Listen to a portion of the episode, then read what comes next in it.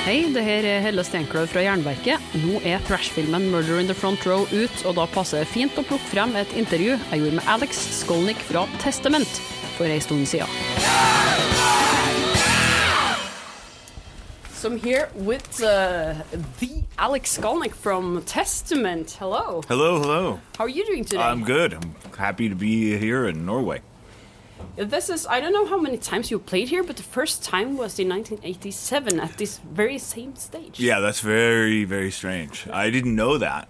I, I I'm guessing they renovated and they made it look newer because it doesn't look that old. It looks like a, you know, fairly new venue. And we didn't remember playing here until we walked in and somebody that works here said he saw us in 1987, which is very crazy. I was 18 years old. That's, A little bit more mature now. Yes. But can you tell me how it all began? When did you start playing and end up in Testament? Um, well, I when I was here in 1987, I had been playing for about uh, seven years, which isn't that long total. Um, I started playing when I was 10. Um, I was a big fan of the Beatles, which I still am. Um, Kiss was really the band that made me want to play guitar and get into hard rock, and also the fact that you know in the San Francisco Bay Area there was a big hard rock and heavy metal scene. Um, Metallica moved there, so they uh, they were playing around, and then a lot of the uh, the other bands, bands like Exodus and Death Angel, that are still going. A lot of bands that aren't still going. And then uh, Legacy was a band that was supporting some of the better known bands like uh, like Exodus and Slayer, who had just started coming up from Southern California. And um, I was looking to join a band, and I heard that uh, the band Legacy needed a guitar player. Uh, the guitar player left, and they had some gigs coming up. And I, th- I thought, oh, this is great because I need to join a band. I need to play gigs. And I was trying to put bands together in my high school, and it just did, wasn't working. and I, I had trouble finding people who had been playing as long as I had. So I heard about this band, and uh, the guitar player quit. I joined, and uh, it ended up uh, we ended up changing our name to Testament and doing our first record, and uh, you know the rest is history. It's quite perfect too because you, you know uh, Fenriz from Darkthrone. The, the I know the band, yeah. yeah, yeah. Uh, he said that uh, Legacy, Mm. your debut album, is the only album in the world that's hundred percent thrash. Not a single track of death metal in it. It has all the galop riffings that he No. means. Is that's this is the only one. Oh, that's interesting. Yeah. What do you think about this? Yeah, I think uh, you know we kind of we found a a, uh, a sound that was you know um, a combination of where I was coming from and where Eric was coming from. Eric was coming from more of a place of like Slayer, Motorhead, Venom, you know, kind of the real punky, trashy bands. I was coming from you know Ozzy and Van Halen and Dio. I was really, you know, coming from more of a hard rock place, and I liked virtuosic guitar. And at that time, if you played very technical guitar, you didn't play in a band like, you know, you, like this. You you played for a, you looked for a you know a glam metal band, but I didn't like glam metal. I didn't like the way they looked. I liked the guitar playing. I loved yeah, and I listened to those records. Obviously, I admit it. I had Dokken records and Ratt rec, but I never liked the idea of the. I hated the the look. I, I liked going to um, thrash concerts better.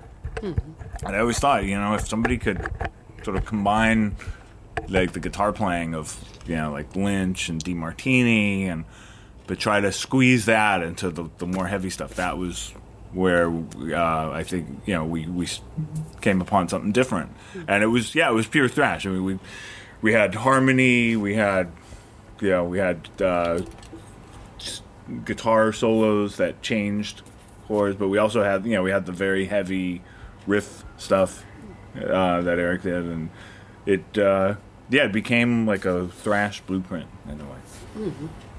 And you stayed with the band for a few years. Uh, Seven years. Before you left in Yeah. Mm-hmm. '92. What was the reason uh, for this? Was it like, did you grow tired of, of the trash stuff, or Well, I think I personally got got to a point where it was you know seven years. It's like uh, marriage. You know, they say seven years is like you know break. It's this breaking seven-year crisis? Yeah, so in in the United States they call it the seven year itch, and uh, I I had been in the band since I was in high school, you know, since I was sixteen, so I hadn't really experienced life or music outside of the band, and I just you know I wanted to see if I could be a guitar player that's not just known for this band, and I really wanted to work with different types of musicians and be the type of be the type of guitar player that could play for different types of musicians and different types of music, the types of music that I like, um, which I've done and I still do. But a number of years later, when it came time, I got a call to uh, do some reunion shows with that. It went so well and felt so natural that it made sense to do some records and tour and see how it went. And it's gone great. And we we started this whole new phase of the band, and it wasn't planned. It just, but it just felt felt natural. But at the time, yeah, it was it was a turning point. Um, I wasn't the only one who who left the band. I mean, within a year, uh, the drummer would leave. Uh, within two years, the bass player would leave, and there would be this, you know, a lot of different musicians leaving. So it was, uh, a so it was a combination. It was my own uh, desire to just uh, improve as a musician, and just be an all-around musician that you know still love heavy metal, but can can play, you know, anything. If I get called to play, somebody asks me to play like Jeff Beck, I want to be able to to do that. If I want to play with a blues musician, I want to I want it to be able to have the skills to do that, um, and to play with you know advanced musicians. So some of the musicians I've worked with, like you know the bass player Stu Hamm, who played for Satriani and Vai, we still play together. Um, and I, I've worked with you know a lot of other musicians that I grew up listening to. Because you did jazz and all kinds of stuff. Yeah, yeah. And at the time, like I loved that music, and I just felt like, okay, now is like I either have to step away and just really reinvent myself as a player, or I'll just be a guy that does this band, and that's it, and that's fine too. And I think for some players, that's what they they want to do. They're happy just being you know the guy from that band, whatever whatever band it is. Um, but I always knew I, w- I was meant to be like an all around guitar player.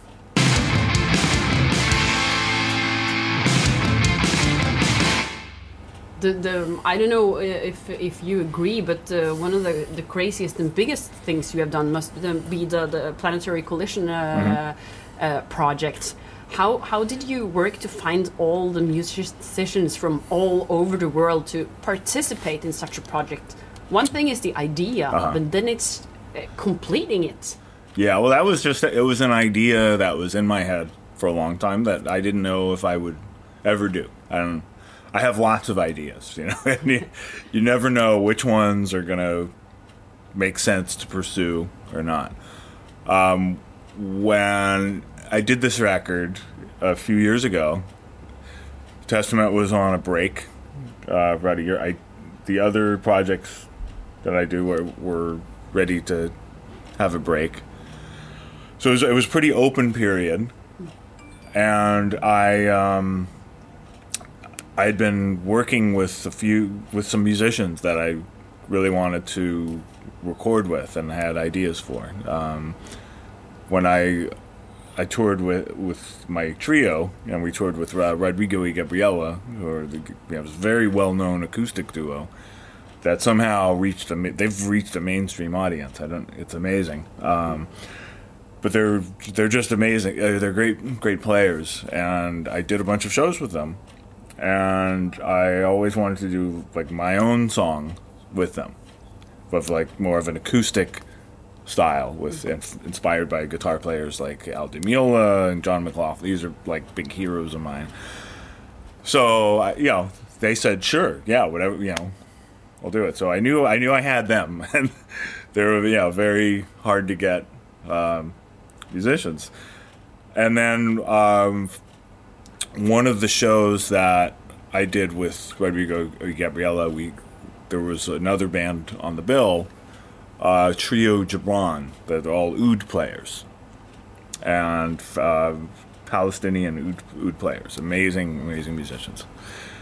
And I talked to one of them, Anad Joubran, and he, yeah, maybe I'd like to record with you. He said, said sure. And then um, just one by one, I started meeting these other musicians. Another friend of mine knew um, Kiran Ahluwalia, who's this great Indian singer. Uh, she works with this great Indian tabla player, and then another some other friends of mine knew the group House of Waters, which is know, based in New York, and we became friends, and they became the so sl- yeah. Slowly, I just I realized I had enough musicians to really make yeah to make this record, and then just the more musicians I got to know within this time period, the more um, adventurous it got, and I realized, okay, I want I want somebody from like as many places of the world that I as I can get, and still have it make sense musically. So it just yeah, it was just a project I dove headfirst into, and uh, really really had a, a good time doing. Not something you could do with Testament every day. Well, that's another thing too. Yeah, if uh, you know, I'm very proud of my work with Testament, but it's really a small part. Even though it's very visible and and it's very big, you know, as far as how how many people know about it.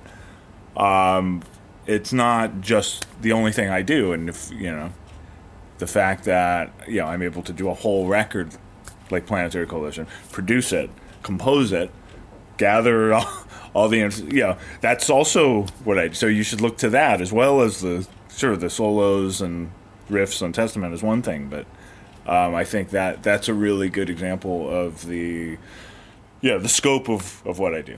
And in some cases, you can hear some there's some ideas that you know if I played them through a distorted guitar, it might work for Testament. I'd have to slow it down, of course. But it's um, Testament has put out a lot of, uh, of classic albums, and just really too many to to talk about each and every one of them. But which one is your least favorite? My least favorite. Yeah. Oh, that's an interesting question. Um,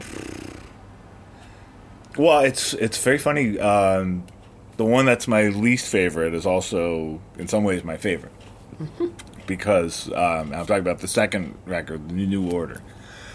Um, it's the least favorite because of the production. Um, I think at that time there really wasn't a blueprint on how to record heavy music at that time. You know, very very few bands could make really good sounding metal. It just it was such a new sound and um, very hard to get because it's so compact and so busy, and the drums are so busy, and the, the guitars are so overdriven, and it's hard to make it sound smooth. You know, without the speakers blowing up and. Um, you know, I give Metallica credit because they, they started making very good sounding records early on and were just able to get a really good sound. And uh, on that that record, we it was just very challenging with the sound, and um, we just had we had some disagreements with our producer at the time over the direction of the sound. So I think you know the sound it it's our it's the our least favorite sounding record. Um, at the same time, the songs on that are some of my favorite, and they're some of the the classic um, fan favorites. Fans probably request more songs from that record than any other record, and we do songs. Um, like the song "Into the Pit" is one that's always in the set. The song "The New Order" is in the set most of the time, and so many other tunes. "The Preacher," "Disciples of the Watch," um, all these songs um, really lasted and stood the test of time. And I think that was like the perfect blend where we weren't. We, we had a lot of very fast thrash music, but we weren't afraid to experiment and throw in harmony and change the rhythms around. And so I think, yeah, so in some ways that's my favorite, and so in the other ways I described it's my least favorite. It's very interesting. Yeah. We also we also need some uh, a good testament band story, whether it's something uh, Spinal Tapish, a very cool moment that you remember, a crazy moment, a fan moment, or something just weird you remember with Testament throughout the years. Oh, I mean, there's plenty. There's there has to be so many. one that you can tell us. There's so there's so many yeah crazy stories. Um, yeah, well, let me think. Um, yeah, well, there's uh, there was a funny one a couple years ago where um, some when we um, you know when we do concerts, we yeah, we sell T-shirts and people pay in cash and yeah, the cash has to be brought to a bank. And a few years ago, um, Chuck was on his way to the bank with all the cash, and the, one of the um, concert promoters had a, a rider, uh, a, a runner. Sorry, that's what we call it. You know, the guy that you know drives us around, and ha- I think for some reason his he got pulled over. I think you know his car was like illegally registered, and he he pulls o- pulls over, and I th- oh he I think he he got busted for marijuana too. He got pulled over, and the guy the cop searched the car. There's marijuana. Anyway, there's Chuck in the car with like thousands of dollars of cash. and uh, you know, it's like, okay, sure, you're not a big time pot dealer, you know. and then, luckily, the cop turned out to be a Testament fan. What's he explained who he was, and you know, yeah, we, yeah it was. It was amazing. It was very lucky, but uh, yeah, there's there's been some very very funny stories like that. But uh, that's a recent one that comes to mind. And that actually says something about how big Testament is when a random cop knows who you are and believes you. Oh yeah, yeah. I mean, that's that's happened more and more recently. You know, I've seen, I'll, I, I'll be going through an airport and somebody doing airport security or immigration will recognize us, or he'll ask, "What band are you?" Oh, yeah, I used to listen, you know, to you guys, and um, yeah, it's amazing how it's it's really caught. It's it's entered the regular world. It used to be just this very sep. It used to feel like this very separate culture, and now, yeah, you can find people all over who know about Testament. Social media helps a lot too. Yeah, I think so. It also helps that yeah we, even though we, yeah we were part of the g- genre of Metallica, Metallica became a mainstream supergroup. Hmm. So you you probably couldn't find one person on the street that's never heard of Metallica, but not not as many people will have heard of Testament, but a lot more people today will know of Testament than say that, you know when we first time we played here. And they might Yeah. actually be fans and not just know who you are. Oh yeah, Yeah. that's true.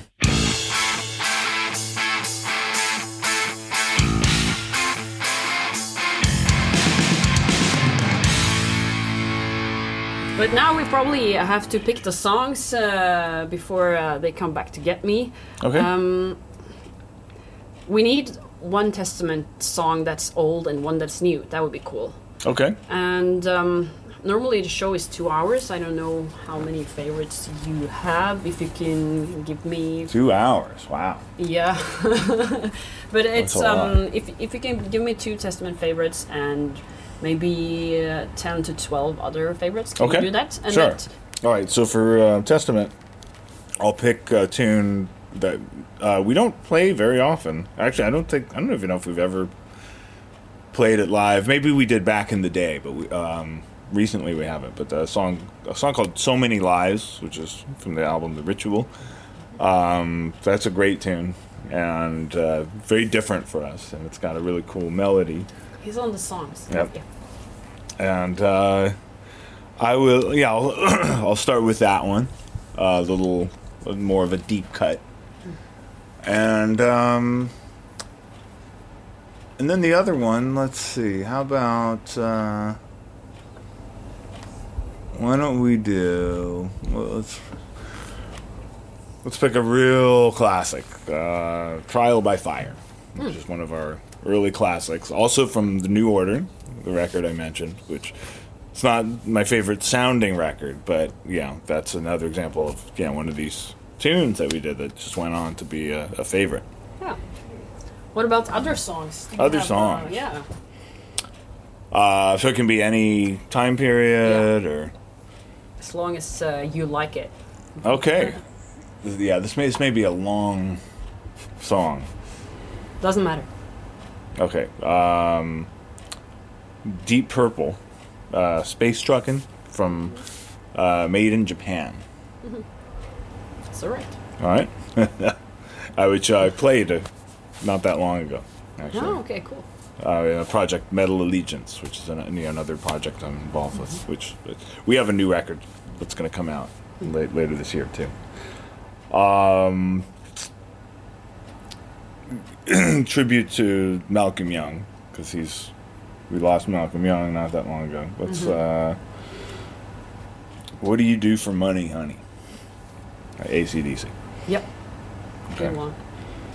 So I realized, yeah, I'm, I'm picking ear much earlier classic music. I'll try to let me try to come up with something more recent. Um,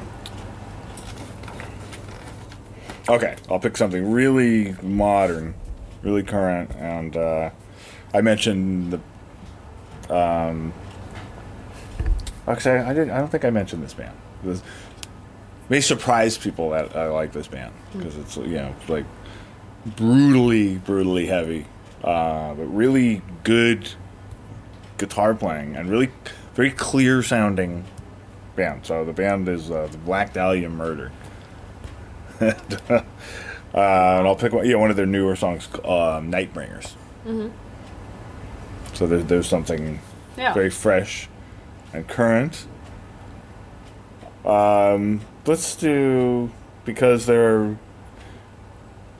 they recently called it quits. Uh, Black Dahlia, uh, uh, Dillinger Escape Plan. Dillinger Escape Plan, Mhm. yeah. Uh, one of us is the killer.